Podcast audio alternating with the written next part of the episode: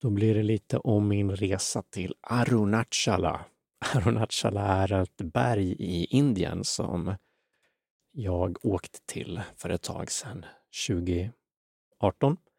Där anledningen till att jag åkte dit var för att, eh, ja, exakt vad det är lite svårt att säga kanske, men jag hade en stark intuition helt enkelt, att, helt enkelt att åka dit. För jag hade läst om det, bland annat då i eh, böcker av Ram Ramana Maharshi.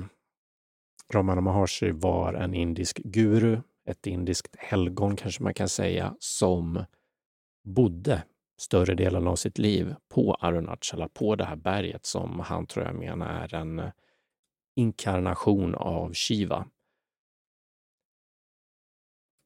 När jag läste om det så kände jag intuitivt och som sagt att eh, någonting väcktes i mig bara.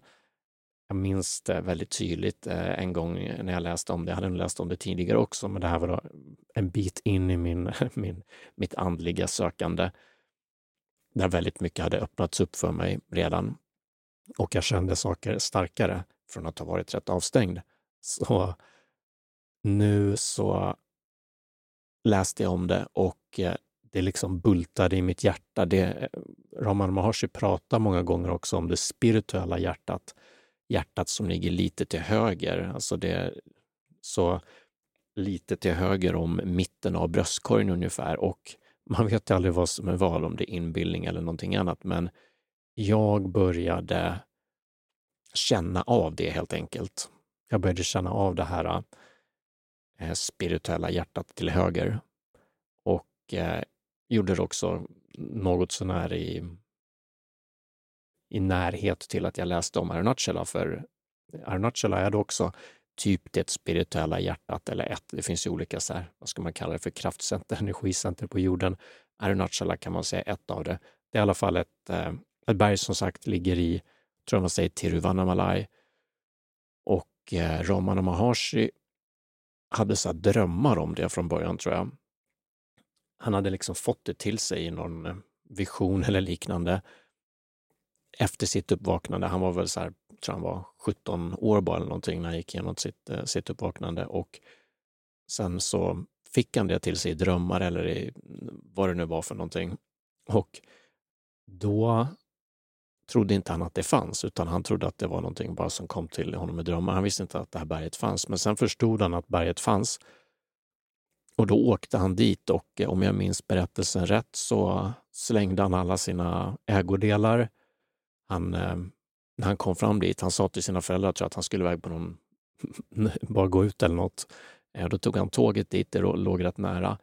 Och när han kom fram där så slängde han sina grejer och eh, satte sig... Ja, men han, ja, han levde alltså resten av sitt liv där. Det var också så att han hade gått igenom ett andligt uppvaknande precis i, i anslutning till, eller i, strax innan, när han gick igenom sin egen död. Och han, när ramarna då hade gått igenom sin död, eller mött den ungefär, och, eh, för han var rädd för döden så som många av oss är, med all rätt.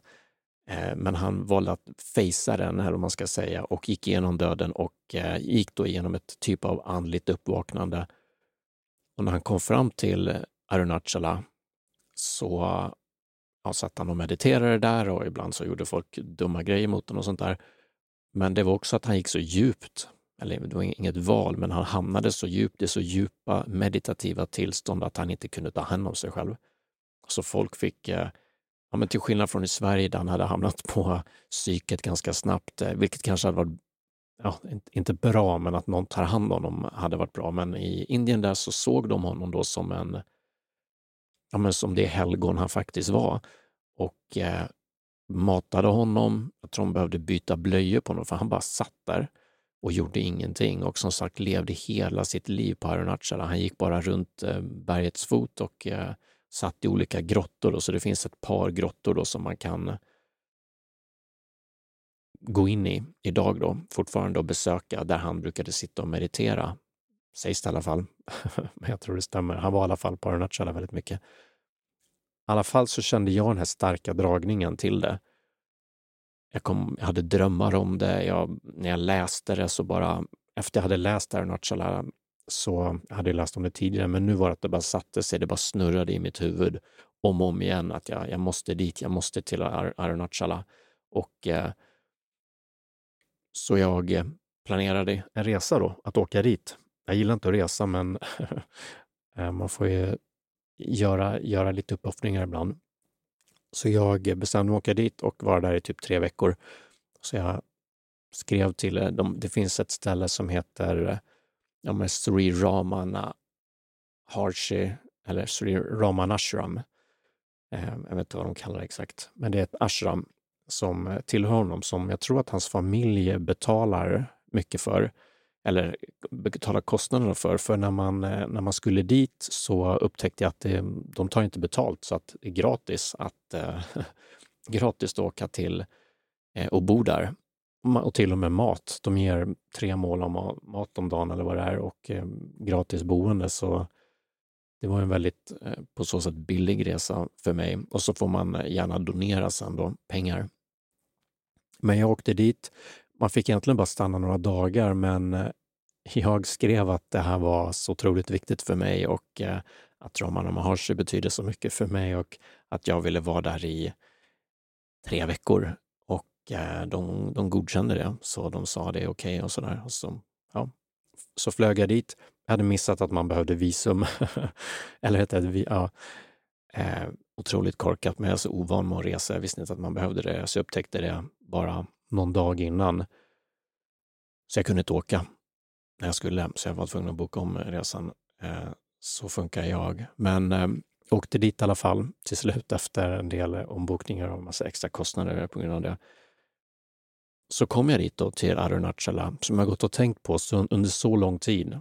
Det här berget som eh, Ramana Maharshi pratar om och som, ja, som det kan vara, typ som att om man har, jag vet inte vad man kan jämföra med, men om man tänker att någonting ska vara väldigt eh, speciellt, om man har kanske pratat med någon över nätet och så träffas man till slut, eller om man har, ja men som i mitt fall då, ett berg som man känner en väldig dragning till. Känner en väldig dragning till Raman Maharshi, man är inte i livet längre, men också det här berget och Arunachala, kände tydligt att jag skulle dit. Så jag var ju nästan orolig att det skulle hända någonting för mig där, alltså typ att jag skulle hamna i något tillstånd som gjorde att jag blev lika inkapaciterad som honom och inte kunde ta hand om mig själv i princip. Och det skulle inte vara bra för jag har familj, jag har åtaganden och saker som jag inte vill Eh, jag vill inte göra som Raman och bara sitta. Han satt ju där och gjorde ingenting överhuvudtaget. Han var ju ett barn då,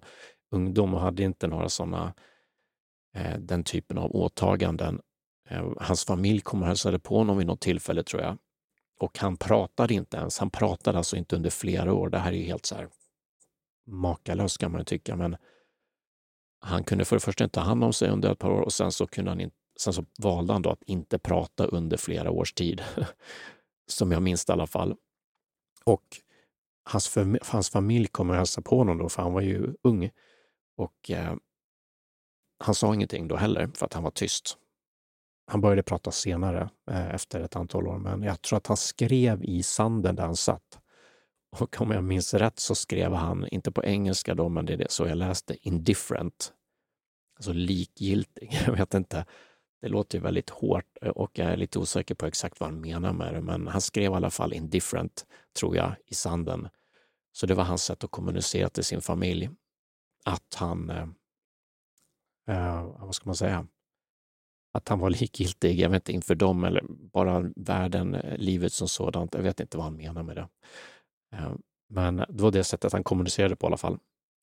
Han kunde ibland skriva någonting, men sa ingenting under flera år. Så att här är det så här, djup, djup, eh, djupa, djupa tillstånd som han var i under lång, lång tid och eh, över tid så började det bildas ett community, eller man ska kalla det, runt honom. Folk vallfärdade dit i decennier och eh, bara för att vara i ens närhet, eh, lyssna på honom. Ibland så pratade han ju, mesta delen av hans lära var dock i tystnad, att han eh, satt bara tyst och så satt folk med honom. Och, men sen så lärde han också ut det self-enquiry.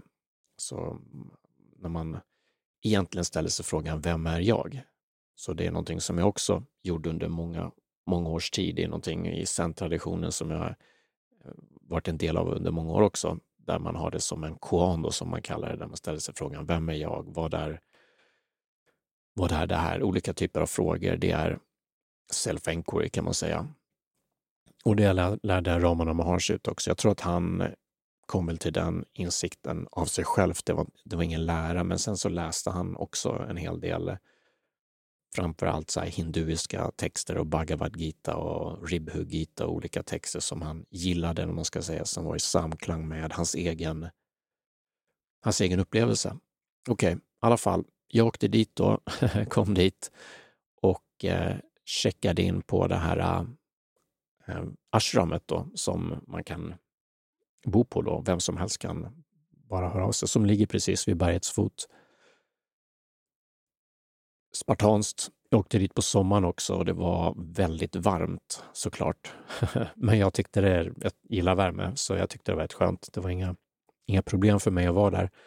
Eh, och de har en sån här fläkt i taket och som det är väldigt skönt att de har det, men ingen AC eller liknande. Men ja, för mig funkar det bra. Och så började jag vara där då och jag hade förväntat mig då, eller jag vet inte vad jag hade förväntat mig, jag tror jag trott lite grann i alla fall att det skulle vara någonting väldigt speciellt. Men så som världen är, så som det ofta är, så när vi har massa föreställningar om grejer, när vi tror att saker ska vara på ett visst sätt och när vi har fått upp förhoppningarna för någonting, så blir det inte riktigt så många gånger.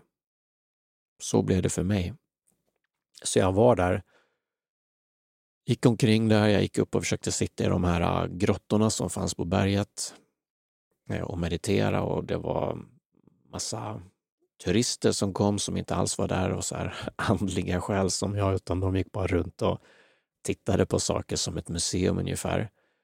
Och eh, det var bara indiska turister i princip. Det var bara någon västerlänning eller ett par som bodde där överhuvudtaget, för det var väl eh, de flesta västerlänningar åker inte dit under sommaren för det är så varmt. Men ja, det störde mig då, för jag ville sitta och meditera där i de där grottorna och eh, Ja, men det var en eh, ja, men besvikelse helt enkelt, skulle jag säga. Det var, jag kände sån... Eh, jag känner, just jag känner ingenting, det var väl det som var grejen. Jag känner ingenting. Jag trodde att det här, att nu när jag åker till Arunachala, det som jag gått och tänkt på under så lång tid, det som jag känt så himla starkt för under så lång tid. Varför händer ingenting ungefär? Jag är van att haft, eh, vid den tidpunkten då så hade jag haft massvis med starka andliga upplevelser och uppvaknanden och energier och mm, ja, men, märkliga saker som hände. Så jag förvänt, hade förväntat Jag var ju till och med orolig för att det skulle vara för mycket för att jag, eh, så att jag inte ens skulle ta mig hem ordentligt. Men ingenting av det i princip, utan bara, det var bara ett vanligt berg ungefär. Jag kom att tänka på den här Eh, sen-berättelsen där de säger att eh, först är berget bara ett berg, sen är berget inte ett berg och sen är berget bara ett berg igen som då, ja, jag har en video om det, men att det, det beskriver ungefär uppvaknandets väg, att vi går från att först är bara världen precis som vanligt ungefär, eller inget speciellt ungefär, och vidare till att vi blir istället eh, att vi ser på det som magiskt, att vi upptäcker oj, det finns det här, den här subtila världen. Det här är bara medvetandet, vad det nu är för någonting. Men sen bortom det så är, är det, kommer vi tillbaka lite grann med öppna händer som de också pratar om i zenbuddismen. Vi kommer tillbaka till, till världen med öppna händer och är i världen ungefär som vem som helst. Eh, samtidigt som det inte är exakt likadant som det var innan, men på ett sätt eh, på ett sätt är det bara som vanligt igen, så berget är bara ett berg igen då på tredje, tredje destinationen. Då. Men så var det eh, lite för mig då, att det bara var ett vanligt berg. Jag gick, um, jag gick omkring där och till slut så, så låg jag på, jag minns att jag låg på rummet. Jag låg på mitt rum och eh, där och eh, spenderade timmar där. Jag höll på och gjorde mycket healing på mig själv vid den, vid den tiden också. Så jag låg och gjorde healing på mig själv och lyssnade på så här binaural beats eh, och gjorde inre barnövningar och sådana saker. Och mådde bara ja, inte skit, men jag mådde inte bra, utan jag bara kände att vad gör jag här? Jag åkte till, åkte till Indien över hela världen för att vara på Arunachala och så ligga på hotellrummet här. Det var verkligen inte vad jag hade tänkt mig. Men över tid, så jag hängde lite grann med en eh, amerikan där som var trevlig och eh, vi pratade en del och så gick jag och gjorde lite grejer och åt den där maten där och inte så intressant. Och det var precis så det var för mig. Det var inte så särskilt intressant för mig. Men över tid sen, så nu, nu vänder det. Nu vänder berättelsen till någonting lite mer spännande. för mig själv i alla fall. Det är över tid så började jag komma till... Eh, ja, men jag gick in i jag bara gjorde saker helt enkelt. Jag gick och mediterade. Jag gick och började vara med också på så puja som de har. Jag, vet inte, jag kommer inte ihåg hur man översätter det, men olika riter ungefär som de gör i, i ashramet där. Gick och mediterade och satt med folk där som mediterar på vissa ställen. Gick upp och eh, mediterade i, i de här grottorna. Jag gjorde också en eh, torrfasta eh, alltså det finns ju vattenfasta när man bara äter eller när man bara dricker vatten. Men jag hade börjat göra torrfasta då och eh, jag gjorde en fyra dagars torrfasta där i Indien under sommaren. Som var ja, efterhand såklart eh, ingenting man bör rekommendera någon att göra. Jag hade gjort torrfasta lite grann tidigare så att det var inte, och plus att när det är varmt är ganska bra generellt för då blir man inte så kall som man annars kan bli när man fastar. Men att göra torrfasta i, i Indien fyra dagar, det betyder att man inte varken dricker eller äter någonting under en, den tiden. Det är ganska extremt. Men jag hade jättestark intuition att, att göra det och jag gick på det och det var faktiskt helt oproblematiskt. Jag var inte hungrig, jag var ingen, ingen konst. Jag var ganska svag när jag skulle gå upp på berget och meditera där på dag tre, fyra. Men ehm, ja, sen bröt jag den. Och då, det började då så småningom när jag gjorde alla de här grejerna. Jag gick och mediterade, ja, som sagt, jag gick och gjorde de grejerna och så småningom så började det någonting då hända. Någonting började hända. så eh, va, Ehm, jag började känna av mer energier. Jag började få mer så här, insikter när jag, när jag gick och mediterade i ashramet. Jag kände mig hemma, likt hur jag hade känt innan jag åkte dit också. Så när jag åkte dit så kändes det som, nu åker jag hem. Nu åker jag hem till, till Arunachala. Det är en jättemärklig eh, känsla att känna att man åker hem. När jag åker till ett ställe jag aldrig varit på.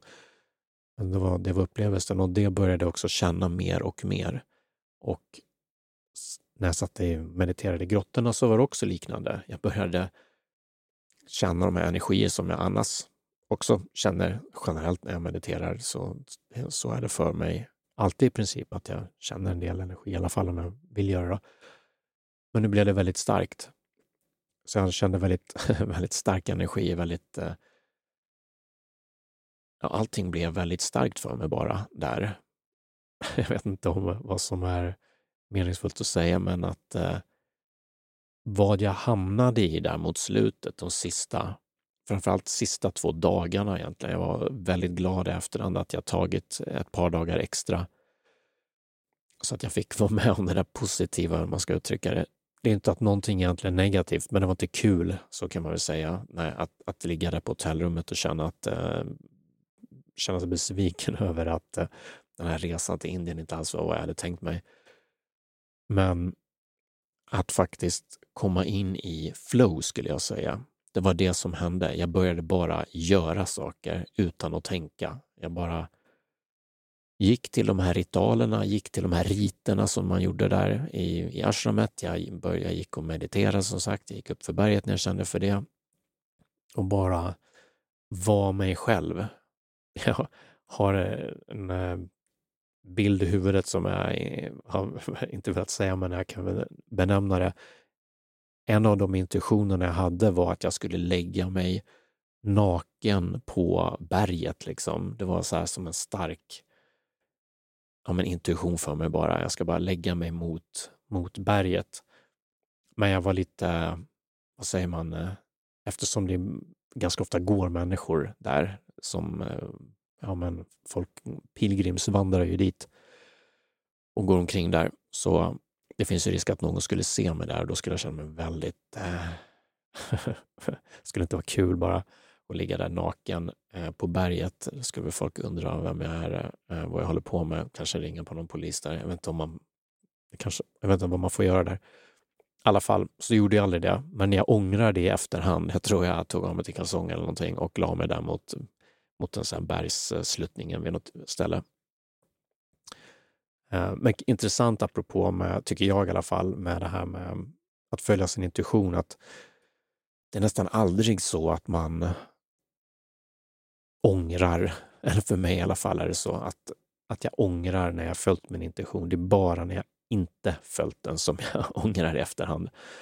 Jag kommer ihåg att jag läste en sån någon gång när jag var bara sju år gammal, någon, någon typ av, eh, jag tror det var reklam för någonting, kanske kan vara Snickers eller vad som helst, men där det stod någonting typ att du ångrar man ångrar bara det man inte gjort ungefär. Man ångrar att man inte gjorde. Och mm, jag tänker spontant också på människor som ligger på dödsbädden.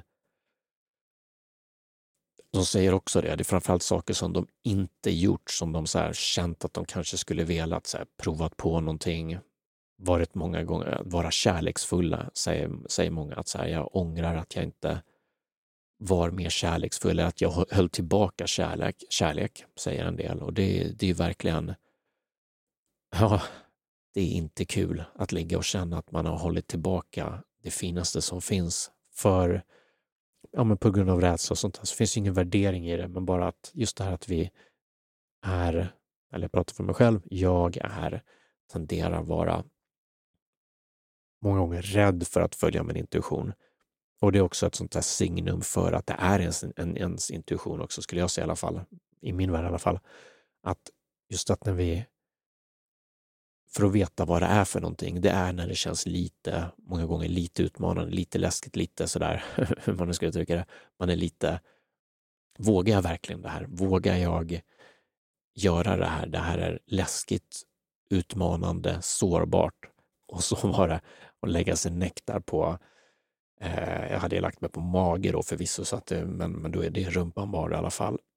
Och så måste jag ta mig upp där, så jag gjorde aldrig det. Men ångrar det då, så här efterhand. För nu är jag inte där längre. Nu kan jag inte göra det, måste åka dit igen. Kanske kommer.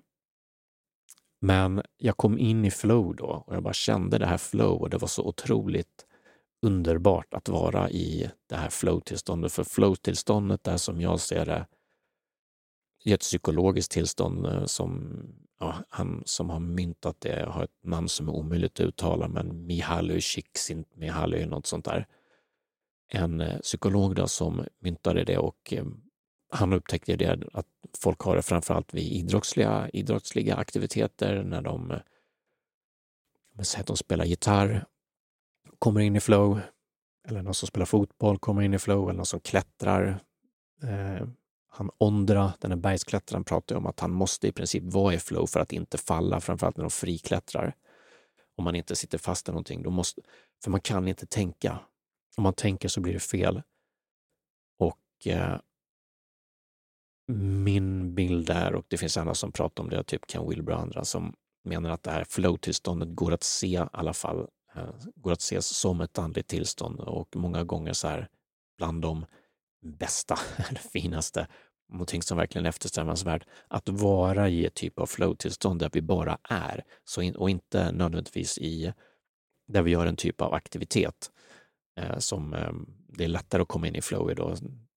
De aktiviteter vi tenderar att kunna komma in i flow i lätt är som sagt exempelvis om vi är vana att spela gitarr och så har vi tränat jättemycket på det och så gör vi det om och om igen och så till slut så kommer vi in i flow och det bara händer. Vi tänker inte längre. Det är det folk säger när de är i flow. Tänker inte, bara gör. Men vad som är och vad de här andliga traditionerna visar på att vi kan komma in i det här flow-tillståndet utan att hålla på med en sån typ av aktivitet, utan vi kan bara vara flow i vardagen så att säga. Så när vi ut och går. Det är såklart en aktivitet, men när vi sitter och mediterar, allting kan vara i flow, det här tillståndet som ehm, inom hinduismen då, de, där de brukar beskriva det som sahaja samadhi, även Ramana Maharshi då pratar om det, att flow-tillståndet, eller jag säger inte flow-tillståndet, jag säger sahaja samadhi, som betyder det, det spontana tillståndet, det naturliga tillståndet. Det är inget speciellt egentligen. Det är egentligen i mångt och mycket när tillståndet av egot, jaget, när det upphör och vi blir fria egentligen. För det är det det är. Flow-tillståndet är ett tillstånd i frihet när vi, när det här med att vi inte tänker, vi tänker inte, utan vi gör bara precis det som zen pratar om, det, som ett, eh, ett mål ungefär. Det är så vi bara hugg ved och bär vatten, säger de huggved och bära vatten är ju, låter ju lite esoteriskt när vi pratar om det, men det var vanligt då på den eh, tiden när de sa det. Vi skulle säga, jag menar, eh, gå till jobbet, eh, eh, sätt på diskmaskinen, eh, gå över, tryck på ja, vad det nu är för någonting, saker som titta på mobilen. Vanliga saker bara som vi gör. Att bara göra dem utan att tänka. Nu gör vi såklart många grejer, också dumma saker, utan att tänka oss för, men det här handlar då om att jaget, egot, identifikationen med jaget har fallit bort, för det är också det som människor beskriver som Adam Ondra, bergsklättraren, när han är inne i flow och klättrar så det är inte bara att han inte tänker utan han själv, idén om sig själv finns inte där. Det finns inget annat där förutom klättringen. Lite grann som man kan tänka sig att en groda som sitter och eh, bara tittar ut och blupp, tar, tar tungan och fångar någonting. Man ser på något sätt att många djur och framförallt eh, ja, men, exempelvis grodor eh, de sitter inte och tänker såklart. De sitter inte och funderar, de har inte en idé om eh, ett jag. Och det är därför de ofta används i, inom zenbuddismen och andra traditioner så säger man vad som, ja, men vad som en groda eller vad, vad som en eh, be like a log säger de också. Vad är det för någonting? Alltså en, eh, ett träd som ligger ner. var bara så som naturen är mycket. För naturen är ju ett djur bara är. Det har inga tankar om vem den är. Det har inte heller något såklart eh, medvetande om sig självt som något som en människa har. En människa växer ju upp och får, ja, precis när den föds har den inte det, men vid två, tre års ålder så börjar det infinna sig att den förstår att när den tittar i spegeln att det där är jag. Så att ett jag börjar formera sig. Så att ett djur har aldrig formerat jaget. Det är bara ja, men kanske apor, delfiner och vissa fåglar som, som kan förstå att de är någon ungefär och se, förstå att när de ser en spegel att det är jag där. Så människan gör ju det, får ju det och bygger upp egoidentiteten och vi vet vi alla vad det är, att vi blir någon.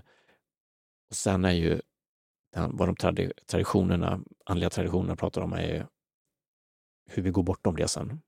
Och ett sätt att gå bortom det är ju att ja, men meditera då och göra den typen av saker och hamna i flow. Så Adam Ondra som bergsklättrare kan hamna i flow och då glömmer han bort sig själv. Men det är dock bara, för, bara just då.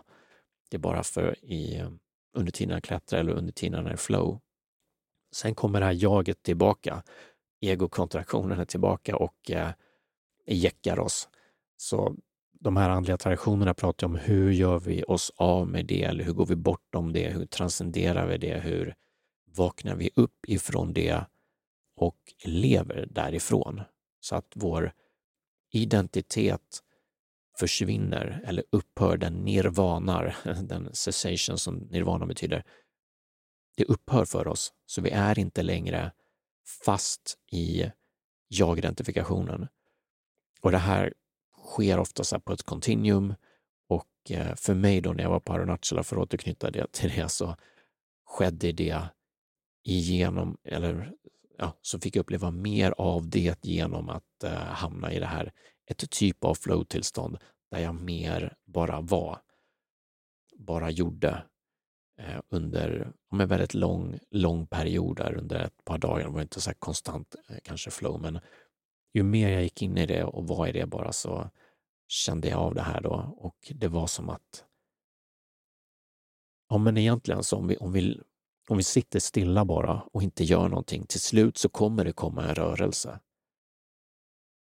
Till slut så kommer vi göra någonting. Och ett sätt är ju, tänk på den här filmen Donnie Darko, när eh, Jake Gyllenhaal, va? Han, man ser hur han förs framåt av någon sån här bubblor ungefär. Att det är någonting som sker genom oss, som kommer igenom oss. Och det är ju, går att se som, i alla fall om man vill, livet självt. Precis som naturen är bara. Träden vajar i vinden, molnen är där de är och rör på sig. Det finns ingen där som tänker någonting eller gör någonting. Det finns ingen egoidentifikation. Samma sak med djuren. De bara gör sina saker och går omkring där. Vi människor är ju på ett sätt så också egentligen hela tiden. Det, det är ju beroende på hur man ser det, men vi, man kan också se det som att vi föds på det sättet, helt citattecken naturliga. Sen så växer vi upp och får den här egoidentifikationen som egentligen inte något problem i sig, men det, det skapar en del lidande för identifikationen med jaget orsakar lidande. Strävandena, identifikationen med strävandena i alla fall, orsakar lidande. Och eh, ja, men att eh, oroa sig för saker, allt det här som vi gör, framtid, dåtid, sitta och tänka och eh, ruminera och så vidare. När vi slutar göra det så minskar eller upphör lidandet väldigt, väldigt mycket. Och vi hittar hem då. För mig så, eh, så Arunachala blev ju på ett sätt då slår det mig nu som hem för mig eftersom jag kom hem till slut där i slutet av den här eh, resan, trippen höll jag på att säga.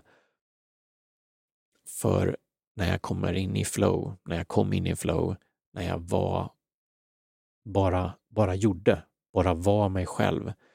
Jag eh, hade en, jag har inte den bilden här på mig själv, men jag skulle kunna, ehm, de har ju sådana här, eh, vad heter det, man fick ta så färg och sätta i pannan som man gör, eh, som, eller som de gör i Indien ofta. Jag vet inte hur det är, exakt vad, vad, vad allting står för där, men under en sån här rit eller ritual så fick man göra det och då gick jag och tog sån här, den här röda färgen och satte i pannan och tänkte inte så mycket på det sen. Eh, och så gick jag omkring sådär i, under många, många timmar. Sen när jag kom hem till hotellrummet efter så, såg jag att, den, så, att det var en jättestor eh, fläck. Liksom. så ingen hade... Jag såg att folk hade kollat lite konstigt på mig några gånger under kvällen. Jag undrade varför, men jag tänkte att det kanske att jag är så, jag står i flow ungefär. Kanske därför de kollar på mig. Men jag tror en anledning var för att jag hade en stor röd blaffa i, i pannan och inte alls så som de andra hade. Jag kommer inte ihåg varför jag kom in på det. Men att bara vara sig själv, det var som att jag tänkte, jag ville inte kolla mig själv i spegeln. Det var någonting med, jag, jag kanske hade någon aning om det, men jag bara, det var som att det inte gjorde mig någonting. Det gjorde inte mig någonting att människorna såg mig på det sättet. Att jag, väldigt lite i alla fall. Och inte att jag var så här, att jag inte bryr mig utan bara att jag var kärlek. Jag var mig själv bara. Lite som ett barn är sig självt och inte funderar så mycket på vad andra tänker och tycker. De dansar och de leker, de sjunger, gör saker och är relativt obrydda då, eller hur man ska uttrycka det. De är sig själva. Jesus säger ofta det här, ofta, eh, vid något tillfälle i alla fall, att det är inte förrän vi blir som små barn som vi kommer in i, i Guds rike. Det är inte förrän vi är i flow, det är inte förrän vi kommer in i Sahaja Samadhi, det är inte förrän vi blir som Adam Ondra när han klättrar i berg. Det är inte förrän vi blir som eh, ja, men, om de Messi när han spelar fotboll. Det är inte förrän vi går bortom jaget, den här egoidentifikationen, det är inte förrän den upphör som vi kommer in i ja, men som, det är då nirvana, då nirvana inträffar och det är då vi inser, som Jesus också säger, att Guds rike är utspritt då här framför våra ögon. Det här är det. det och tillståndet då, som vi kan tänka att flow-tillståndet där är ju mångt och mycket, eller om man tänker nirvana, alltså att tillståndet av jag-identifikation, ego-identifikation upphör. Det är mer det som händer. Det är inte att man hamnar i ett annat tillstånd det tillståndet som vi är i nu är ju jag ska säga, vardagstillståndet som människor är i är ett förändrat medvetandetillstånd, eller det är ett typ av medvetandetillstånd. Vi tänker att det här är default bara för att det är det vi vanligtvis upplever. Man tänker att default är det här med, ja, det är inte ens medvetet att vi har en, den här egoidentifikationen. Man kanske kan börja förstå att man har den och man förstår att man mår dåligt och tänker och ruminerar över saker. Men likt hur ett brus i bakgrunden inte hörs förrän vi skruvar ner det eller tar bort det, så på samma sätt så upplevs inte jag-identifikationen förrän den upphör, förrän den nirvanar. Och, då, och det går att ses som ett typ av tillstånd. Vi har ett tillstånd av identifikation. Det försvinner när vi går och lägger oss på natten. Då, då försvinner den här världen, men också identifikationen med det här jaget. Så ligger vi och drömmer på natten, uppstår en ny identifikation med en annan karaktär i den drömmen. Så hamnar vi i djupsömn då försvinner alla identifikationer med, eh, individuella, med individuella vad heter det, karaktärer. Jag kommer ihåg att jag hade en stark upplevelse av det också innan jag åkte till Arunachala, just det här att ligga på natten, sova och uppleva det här kausala tillståndet som man pratar ibland om, som ibland är förenat med det här djup sömn eller drömlös djup sömn, Bara void ungefär, eller bara tomhet, bara vad man nu ska kalla det för. Och där finns inget jag. Där finns ingen Jonas. Där finns inte eh, någon världens.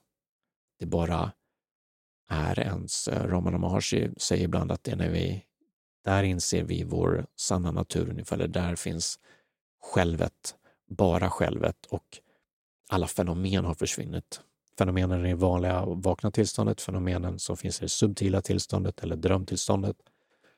Allting är borta. Och vad är kvar där då? Ja, det är det. Och vad Ramana Maharshi säger också, att ta med det då, ta med det tillståndet, eller vi ska kalla det, eller snarare, snarare avsaknad av andra tillstånd, till det vakna tillståndet. Så att i det här, när vi vaknar upp, så har vi tagit med det kausala eller djupsömnstillståndet till det vanliga vakna tillståndet. Det kan bli konstigt här, men eh,